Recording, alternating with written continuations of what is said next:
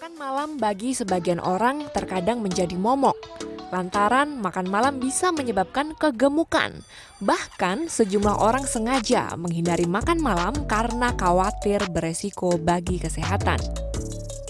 Menurut dokter spesialis gizi Sindiawati Pujaji, sebenarnya makan malam tidak perlu dihindari.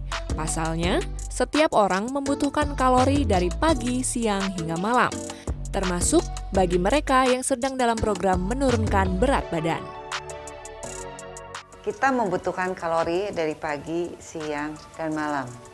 Sering orang karena ingin menurunkan berat badan atau ada tujuan tertentu, mereka hanya makan mungkin pagi dan siang, malamnya tidak.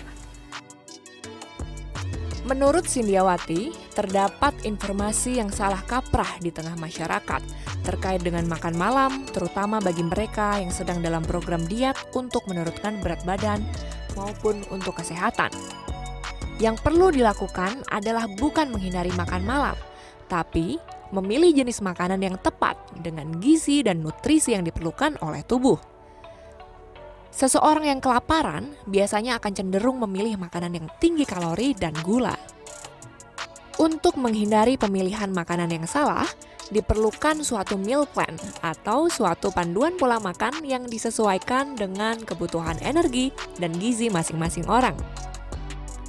Adapun makan malam yang disarankan adalah menu makan yang seimbang, seperti makanan yang mengandung karbohidrat, protein, mineral, dan vitamin.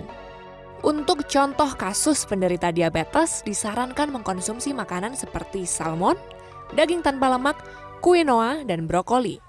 Sindiawati juga berpesan kepada penderita diabetes agar tidak melewatkan makan malam demi menjaga kestabilan gula darah. Ya, biasanya kalau misalnya kita uh, mengkonsumsi makanan di malam, Tentu saja gula darah pada kasus-kasus yang diabetes biasanya saya sarankan tetap mengkonsumsi makanan bergizi lengkap dan seimbang rutin pagi, siang, malam.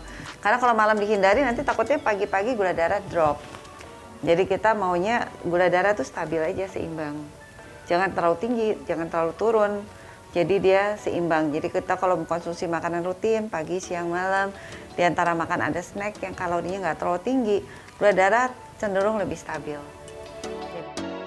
Selain menjaga pola makan dan asupan nutrisi, yang tidak kalah penting adalah memberi jeda waktu beberapa jam sebelum tidur. Natasha Limano, trainer bersertifikat American Council on Exercise dan Precision Nutrition menyarankan setidaknya memberi jeda 2 hingga 3 jam setelah selesai makan malam sebelum tidur.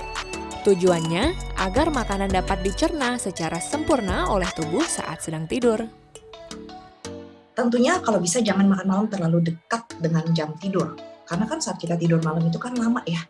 Bisa 6 jam uh, atau sebaiknya sih 7 sampai 9 jam. That's a long time untuk makanan kita tidak terproses atau tercerna dengan baik di dalam tubuh.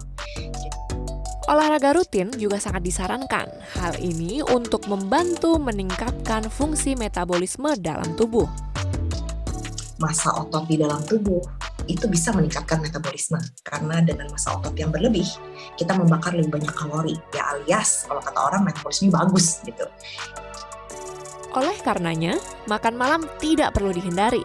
Yang perlu diperhatikan adalah mengontrol jumlah kalori dan nutrisi makanan, serta berolahraga rutin untuk menjaga kualitas kesehatan yang lebih baik.